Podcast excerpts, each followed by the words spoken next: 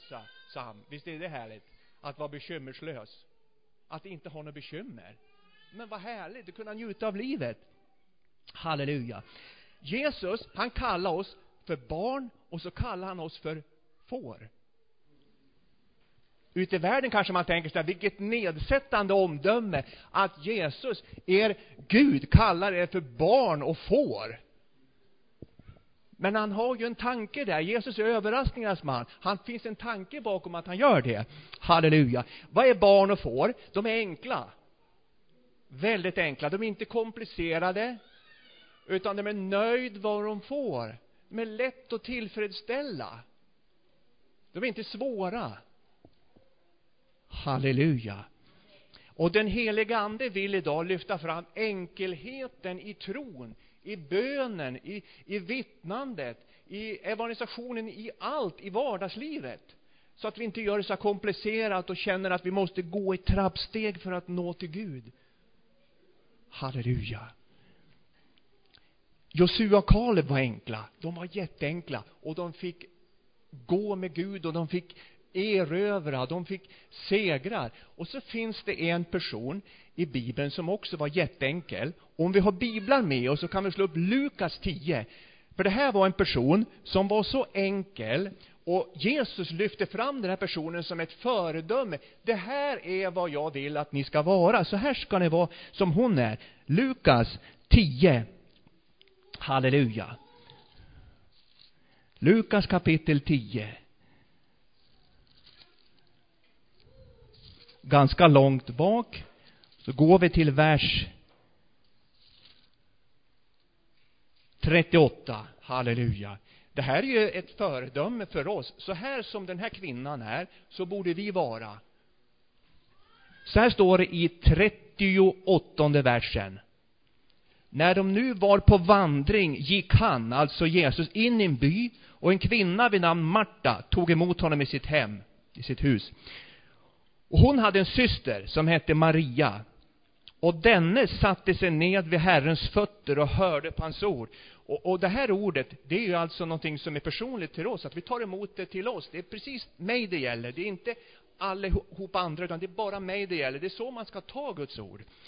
Eh, men Marta, hon var upptagen av många handa bestyr för att tjäna honom. Och hon gick fram och sa, Herre, frågar du inte efter att min syster lämnar alla bestyr åt mig ensam. Säg nu till henne att hon hjälper mig.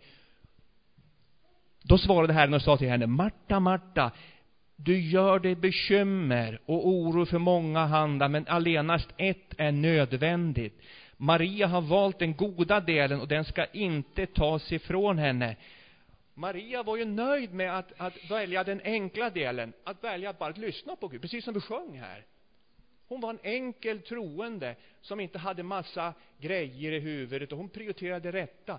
Hon var inte i riskzonen för att bli utbränd. Eller hur? var långt ifrån att bli utbränd. Hon var avslappnad och lugn. Hon hade valt en sak bara. Men Marta då? Ja, men hon, hon var ju tvärtom. Hon var ju stressad och upptagen och bekymrad. Hon ville säkert höra Jesus också. Men det fanns ju så mycket annat som också var viktigt att sköta och fixa så att allt blev ordnat. Hon kanske till och med ville åstadkomma någonting inför Gud, inför Jesus. Och, och, och det behöver vi inte göra. Vi behöver inte åstadkomma, prestera någonting. Jag menar, när vi kommer till Gud så kommer vi med vad vi har och han säger kom bara. Han kräver inte prestation eller hög intelligens eller sådär. Då skulle vi alla vara uteslutna. Om det skulle krävas hög intelligens. Kanske David då skulle platsa eftersom han är pastor så han har, han har lite högre panna och sådär va. Men vi andra, vi skulle ju vara chanslösa. Det skulle inte funka. Och det många kristna är ju precis som Marta. Alltså stressade och bekymrade över saker och ting. Och vad är konsekvensen? De blir andligt missnöjda. Och de blir ineffektiva vittnen istället för att välja bara det enda raka, det enkla, skala av det övriga som, som kanske är bra, men det är inte nödvändigt. För Jesus, var Jesus stressad och komplicerad? Knappast. Han var, han var glad och behaglig. Det stod att han var den gladaste av alla. Han hade mer glädje än sina medbröder. Han var enkel och rak, han gick rakt på sak. Han, han var ingen sån här komplicerad laglärare som krävde så här att lärjungarna skulle följa 47 bud för att följa honom. Men han sa bara kom. Han sa följ mig. Det är väl ganska enkelt. När Petrus stod där på, vid, vid båten och såg Jesus komma på vattnet så sa han om det är du, Herre, så säg till mig att komma till dig på vattnet. Och vad sa Jesus då? Han sa inte så här att jag be först lite grann och så, och så ser du till att du helgar dig lite grann så att du känner dig ren när du kommer till mig. Han sa kom. Det var som så enkelt. Bara kom. Om lärjungarna ville följa så sa följ mig. Och det är det det handlar om alltså, att vi inte komplicerar utan vi bara vi tar steget och så närmar vi oss Gud. Och sen kommer det, det övriga att lösa sig, för att när vi kommer i hans närhet, då kommer vi in i en gudomlig princip, närhetsfaktorn. Närhetsfaktorn, det är där smörjelsen finns. Halleluja. Och då är det ingen prestation, utan då är det bara ett hjärta. Och alla, alla kan vara med. Och ju närmare vi kommer Jesus, ju bättre hör vi hans röst. Ju mer kan vi korrigera våra liv. Den som hör min röst, han ska bo i trygghet och vara säker mot olyckans skräck. Men det handlar ju om att vi tar det där steget, vi kommer till Jesus och sen förvandlar han oss. Och därför är det så avslappnande. Egentligen, det kristna livet ska vara avslappnande. För egentligen handlar det om att den största kallelsen vi har, det är att njuta av relationen med Gud. Och den, när vi går nära Jesus, då vet vi att då är vi fri från faror. Vi vet att han är den gode herden som leder oss till vattenbäckar. Halleluja. Det finns ett, ett underbart djur i Bibeln som, som är beroende av närhetsfaktorn för sitt, sin överlevnad. Vad är det för djur? Är det någon som bräker här? Fåret. Fåret är ju försvarslöst och chanslöst själv. Om fåret skulle tänka sig att nu ska jag gå själv och inte, och inte vara med med herden, då skulle det vara fara för, skulle fåret hitta vatten, skulle det hitta gräs? Nej, det skulle det inte göra. Rovdjur, vilddjur, allt, det skulle ju vara dött inom en stund. Så fåret måste vara nära herden. Halleluja. Och Jesus kallar oss för får. Om ni vill så får ni hänga med till Johannes 10, där Jesus talar om att vi är får. Vi bräker, Johannes 10. Så står det så här i 26 versen. Jag har alltid varit fascinerad av får, för jag tycker de är så snälla och goa, härliga. De är som så nöjda med det lilla. När man ser ett får tugga gräs så känner man, man, man blir bara lugn och avslappnad. Så här står det. Men ni tror mig icke, ty ni är icke av mina får. Mina får lyssna till min röst och jag känner dem och de följer mig. Och jag ger dem evigt liv och de ska aldrig någonsin förgås. Vad gör får? Deras liv består ju att äta och följa. Äta och följa. De är nöjd med det. Fåren, de, alltså, de frågar inte herden, vart ska vi nu? Är det bra bete där borta? Finns det vattenhål verkligen? Nej, men de bara accepterar att är de nära herden, så leder herden dem rätt. Och, och kanske det, det är den inställningen vi ska ha, att när vi är nära Jesus, då frågar vi inte så mycket, för Gud vill inte ha våra frågor, han vill ha vårt förtroende.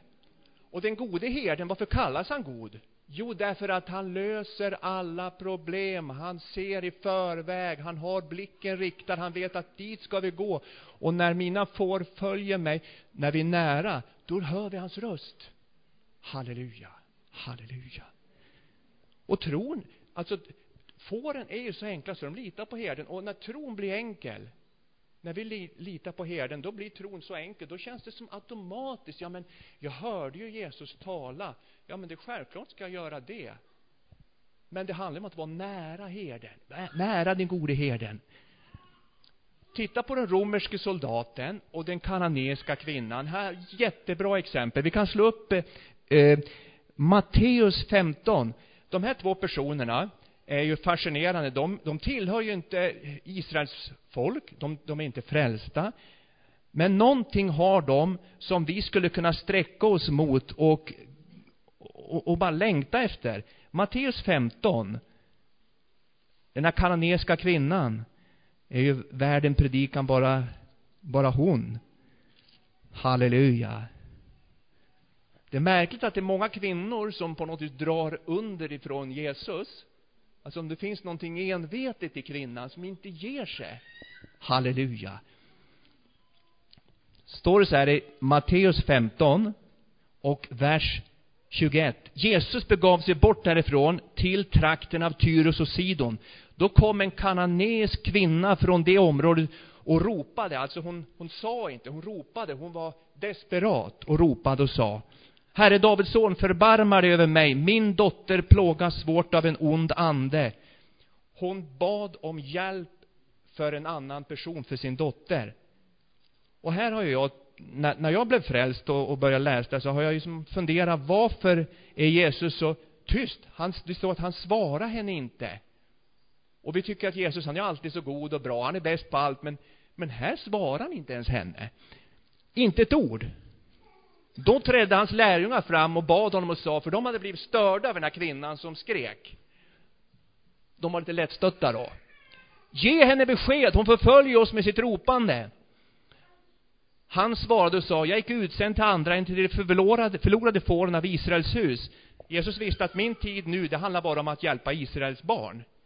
Hennes tid kommer sen, men inte nu. Klar och radikal. Jesus är överraskningarnas man. Men hon kom fram, alltså hon gav inte upp den här kvinnan, för hon, hon hade en längtan i sitt innersta, att min dotter, hon måste få hjälp. Och hon visste att den enda som kan hjälpa min dotter, det är Jesus. Så hon hade en tro, en stark tro. Och så föll hon ner för honom. Alltså det är nästa steg, alltså, nu, nu, nu ödmjukar hon sig och underordnar sig honom och visar sin lydnad att det, det är den här mannen som kan hjälpa mig. Och föll ner och sa, Herre hjälp mig.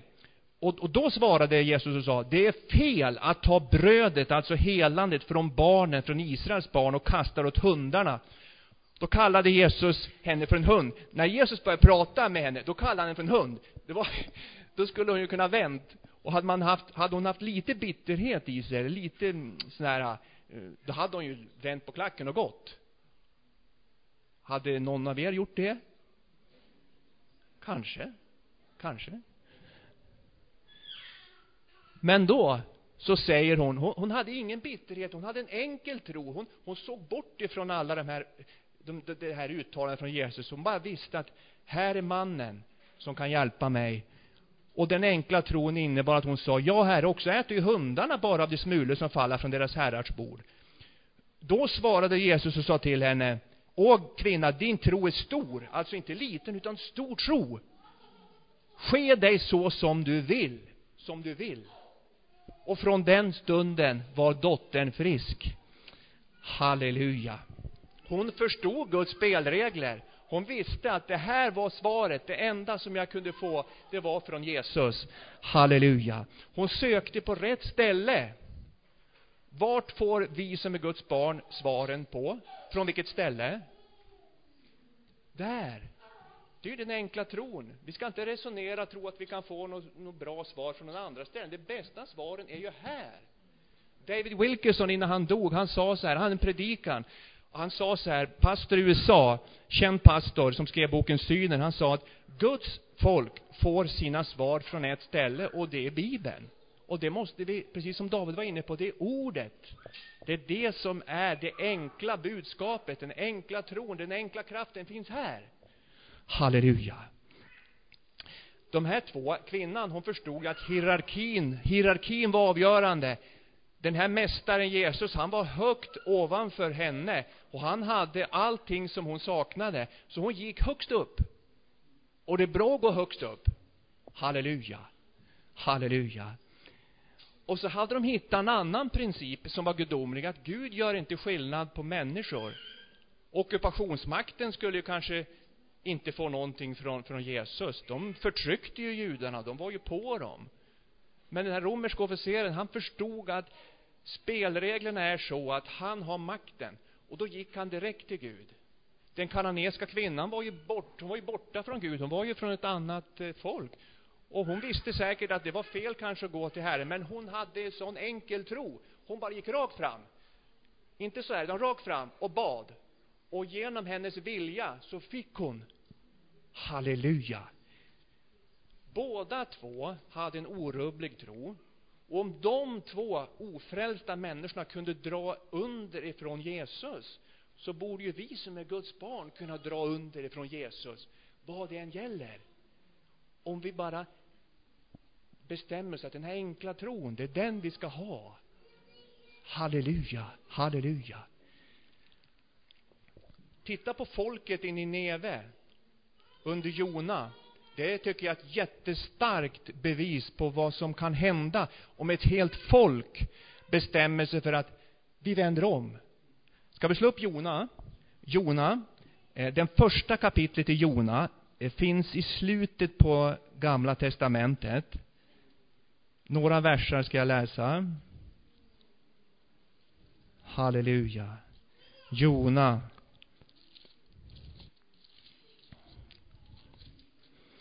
Jona första kapitlet. Vi vet ju att Jona var en, en gudsman, men han, eh, han hade sina dåliga sidor. Och de kom ju fram väldigt starkt här. Första kapitlet står det så här. Herrens ord kom till Jona. Han sa, stå upp och bege dig till Nineve, den stora staden, 120 000 invånare, dubbelt så stor som Östersund, och predika för den, ty deras ondska kommit upp inför mitt ansikte. Gud säger predika för den, alltså gå till rätta med staden och tala om vad som kan komma att ske om de inte vänder om. I tredje kapitlet står det så här. Herrens ord kom för andra gången till Jona. Han sa, stå upp och bege dig till Nineve, den stora staden, och predika för den vad jag ska tala till dig. Då stod Jona upp och begav sig till Nineve så som Herren hade befallt. Här var Jona lydig. Gjorde precis exakt så. Men Nineve var en stor stad inför Gud, tre dagsresor lång. Och Jona begav sig på väg in i staden, predikade och sa, det dröjer ännu 40 dagar, så ska Nineve bli omstörtat. Folket alltså, ondskan och synden överflödar i den här staden. Men när Jona, precis som Ordspråksboken säger, vände om, aktade på Guds tillrättavisning, vad hände då? Guds ande började flöda där. Halleluja. Då trodde folket i Nineve på Gud. Vilken, vilket under alltså. Det var inte bara så att det var Jonas ord, utan det var ju när Jona hade vänt om. Då kom Guds ande över honom och överbevisning kom till hela Nineve. För Jona gjorde en enkel sak. Han vände om och han lydde Gud. Han ödmjukade sig. Och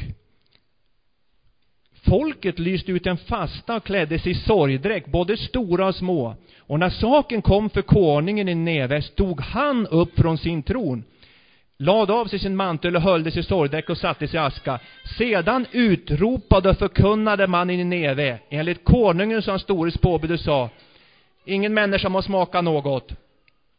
Och så fortsätter det vers 8. Och både människor och djur ska hölja sig i sorgdräkt och ropa till Gud med all makt.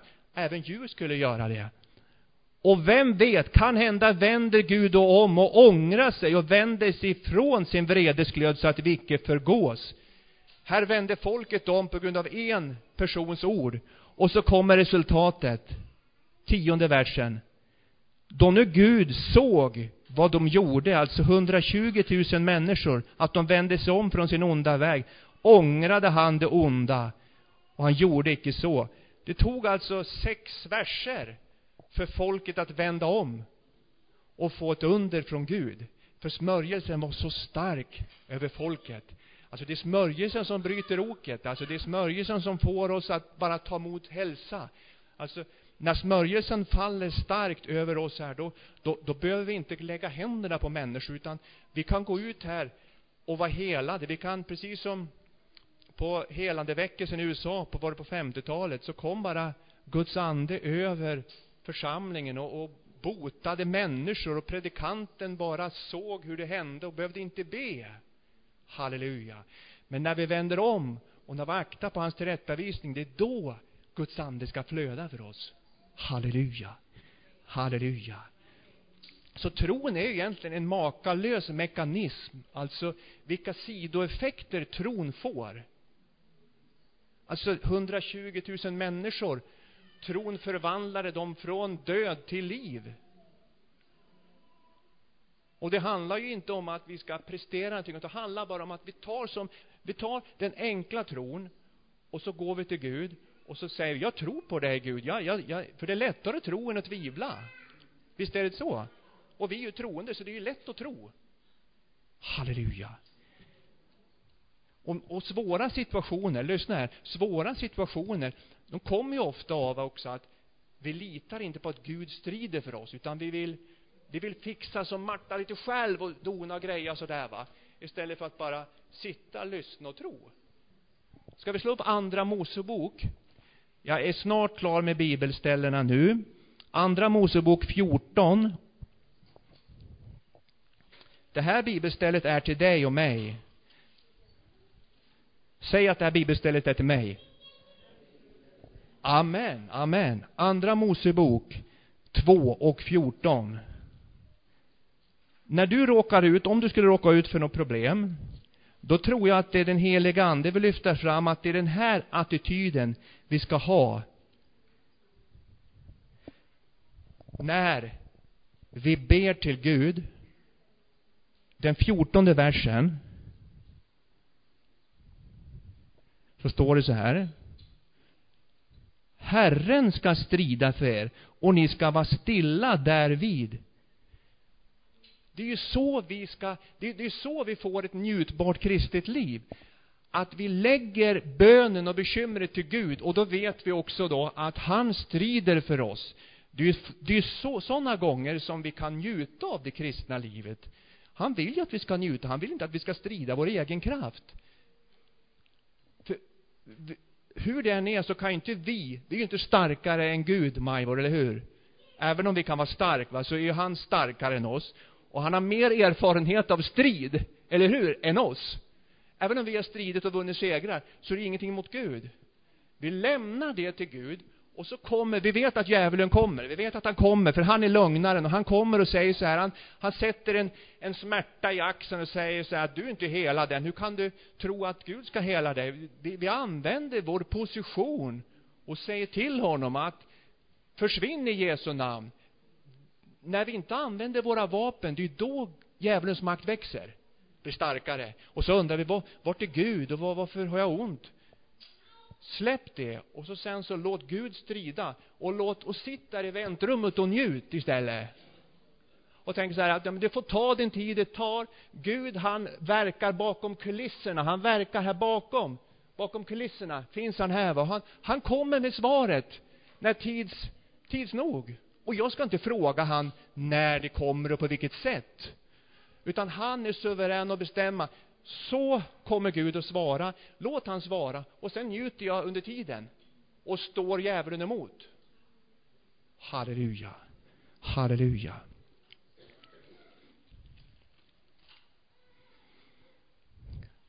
Ska vi gå till Hebreerbrevet 4? Det är väldigt ett skarpt ord, eh, men vi ska ju inte väja för de här skarpa orden i Bibeln. Därför att Guds ord är salt och ljus och det innebär att det skär lite grann ibland. Hebreerbrevet 4, ni har hört det många gånger. Fjärde kapitlet och det är riktat till oss, till Leif Eikeset, till David Larsson, till Hans Andersson, till alla individuellt. Fjärde kapitlet så står det så här. Och det här handlar ju om att hur ska man njuta av livet med Gud. Och vem kan njuta? Jo, vi som har kommit till tro, vi får ju komma in i vilan.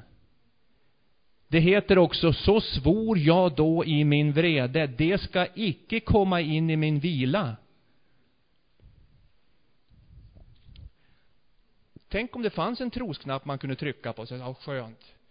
Nu tror jag, nu, nu lyser rampan grön här, nu, nu, nu har tron nått upp till den nivån så att jag får ta emot allting. Va? Men det handlar ju om att det är en liten process det där. va. Men det är ju den här trons vila, det är ju de som kommer in i trons vila, det är ju de som kan njuta av livet med Gud. Kasta bekymren på Gud och bara bestäm dig, jag står djävulen emot. Och ju mer vi står honom emot, desto lättare kommer det bli nästa dag, nästa dag, nästa dag. Vad sa Jesus? Han sa till lärjungarna, tro allenast. Bara tro. Alltså vilken, man kan tänka vad nonchalant Jesus han, han hade ingen lång föredrag om hur vi ska ko, komma fram till tron, Han sa, tro allenast, sa han till Jairus. Och det innebär ju att, att Jesus visste att han kunde tro och att tron räckte. Den enkla tron räcker. Halleluja. Jag blir glad. Blir ni glad? Ja, men alltså det känns inte som att Tänk de här som ber fem gånger mot ett speciellt ställe. Måste göra det. Hinduismen, buddhismen, katolicismen, det är rökelse och allting. Det, det är grejer som man ska hålla, regler. Men Jesus säger inte han säger bara kom, följ mig, så kommer ni bli förvandlade. Halleluja. Djävulen, han vill ju inte ha enkla troende, därför han vet att det, bakom det enkla tron, där finns miraklet, där finns helandet, där finns smörjelsen, där finns kraften, där finns allt, all välsignelse. Men vad händer för människor som blir tvehågsna? Jakobs brev 4 talar om i klartext vad som händer om vi är kompromissande, om vi är, ska vi säga, splittrade, precis som Marta var. Ganska starka ord. Jakobs brev, första kapitlet. Halleluja. För det här är motsatsen till en enkel människa. Det är när man är kluven och när man har, man blandar tro och otro, man blandar lite allt möjligt. Då står det så här, Jakobs brev 4, eller Jakobs brev 1. Sjätte versen. Men han eller hon be i tro utan att tvivla. Ty den som tvivlar, oj, är lik havets våg som drivs omkring av vinden, kastas hit och dit.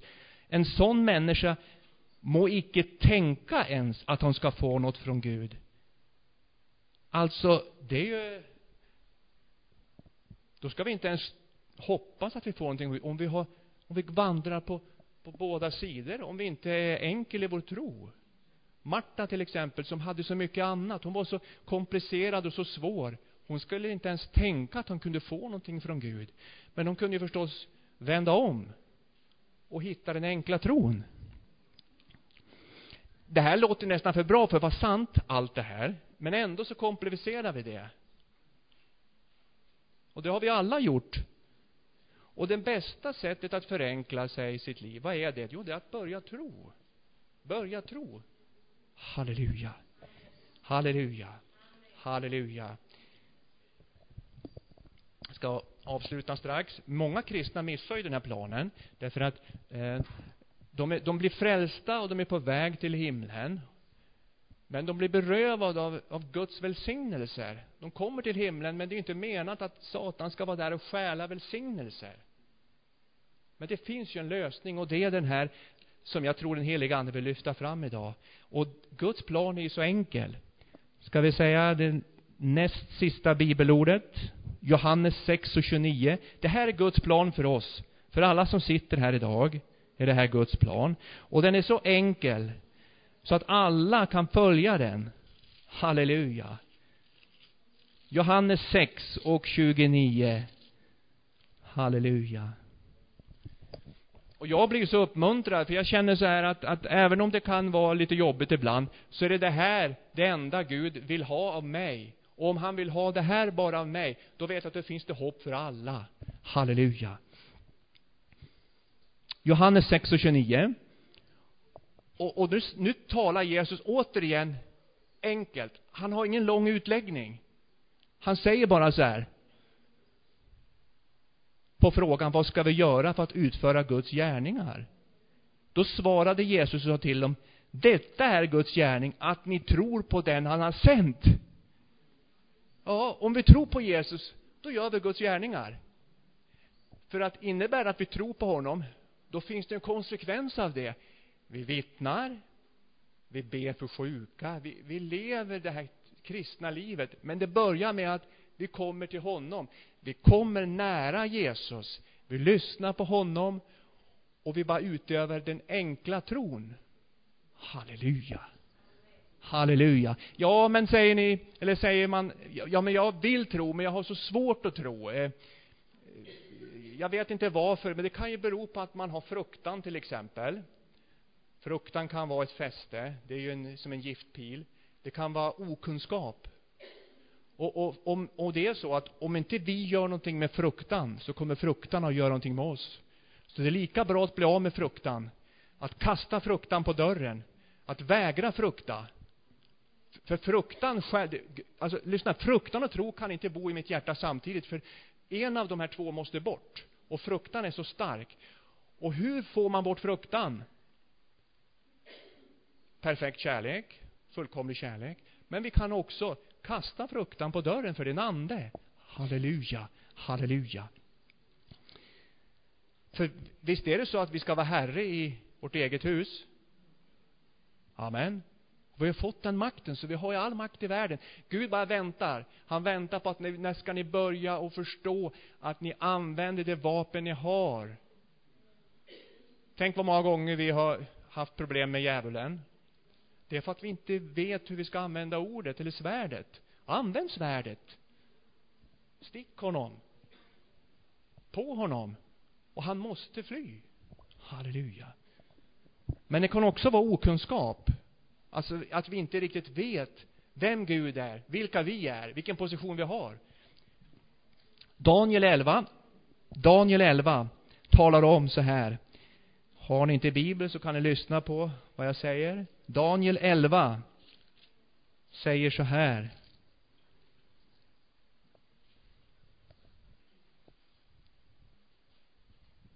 De av folket i den 32 versen. De av folket som känner sin Gud, alltså som, som kan sin Gud, som vet vem Gud är. De ska stå fasta och hålla ut. De ska stå fasta, alltså de som vet vem Gud är, de som vet vad han kan och de som vet vad djävulen kan och inte kan. De ska stå fasta och hålla ut. Eller segra. Kunskap. Halleluja.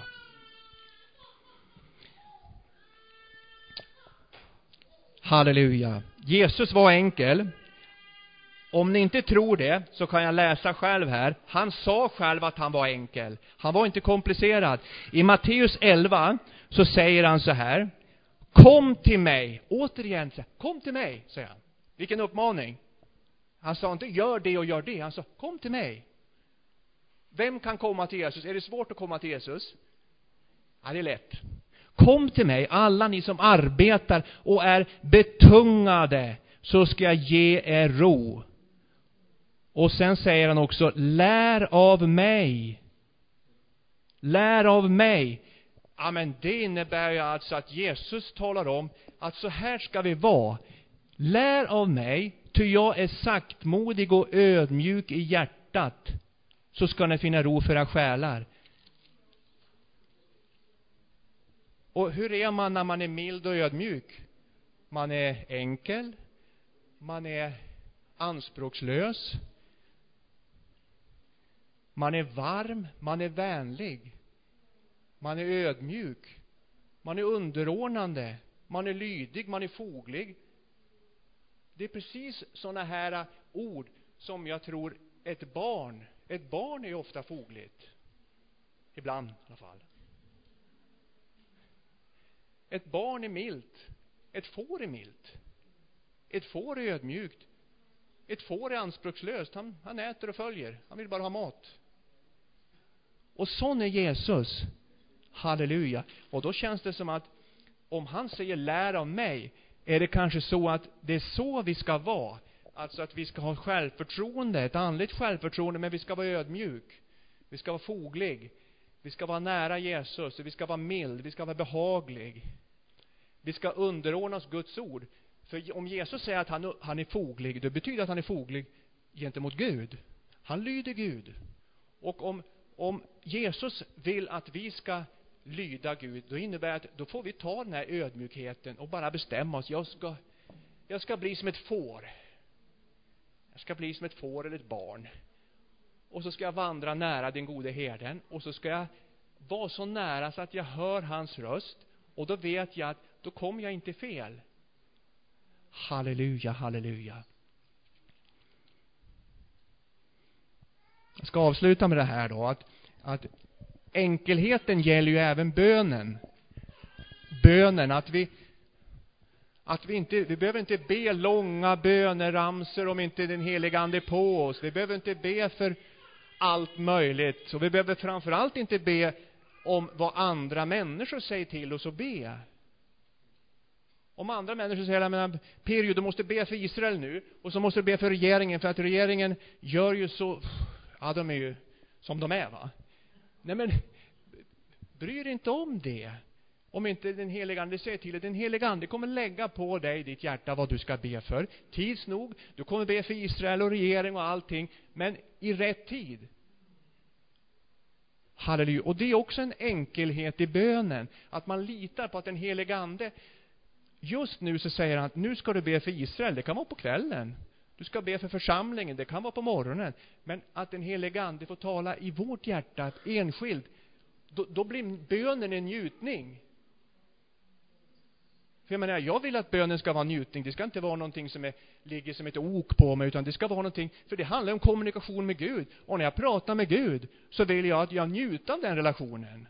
Jag vill höra att den helige Ande säger, men nu, nu Hasse ska du be för, för staden, nu ska du be för, för de människorna, för invandrarna.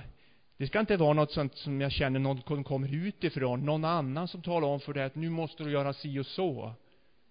Utan låt den heliga Ande leda dig i bönen och då kommer du upptäcka att Ja, ah, vad roligt det var att be. Och det var precis exakt rätt tid som jag bad för, för utvecklingen i, i Sverige eller någon annanstans. Va? Och då vet jag att smörjelsen kommer för den heliga Andes röst. Han är nära. Vi är nära den gode herden. Och allt det som Jesus säger, det säger jag ju till den heliga Ande som säger det till oss. Halleluja. Och då blir bönen, då blir bönen någonting som man ser fram emot. Sen kan ju den heliga Ande säga, nu ska du be en timme. Men jag tror inte det är utgångsläget. Jag tror den heliga Ande kan plocka fem minuter då, fem minuter då, två minuter då. Men i rätt tid. Halleluja.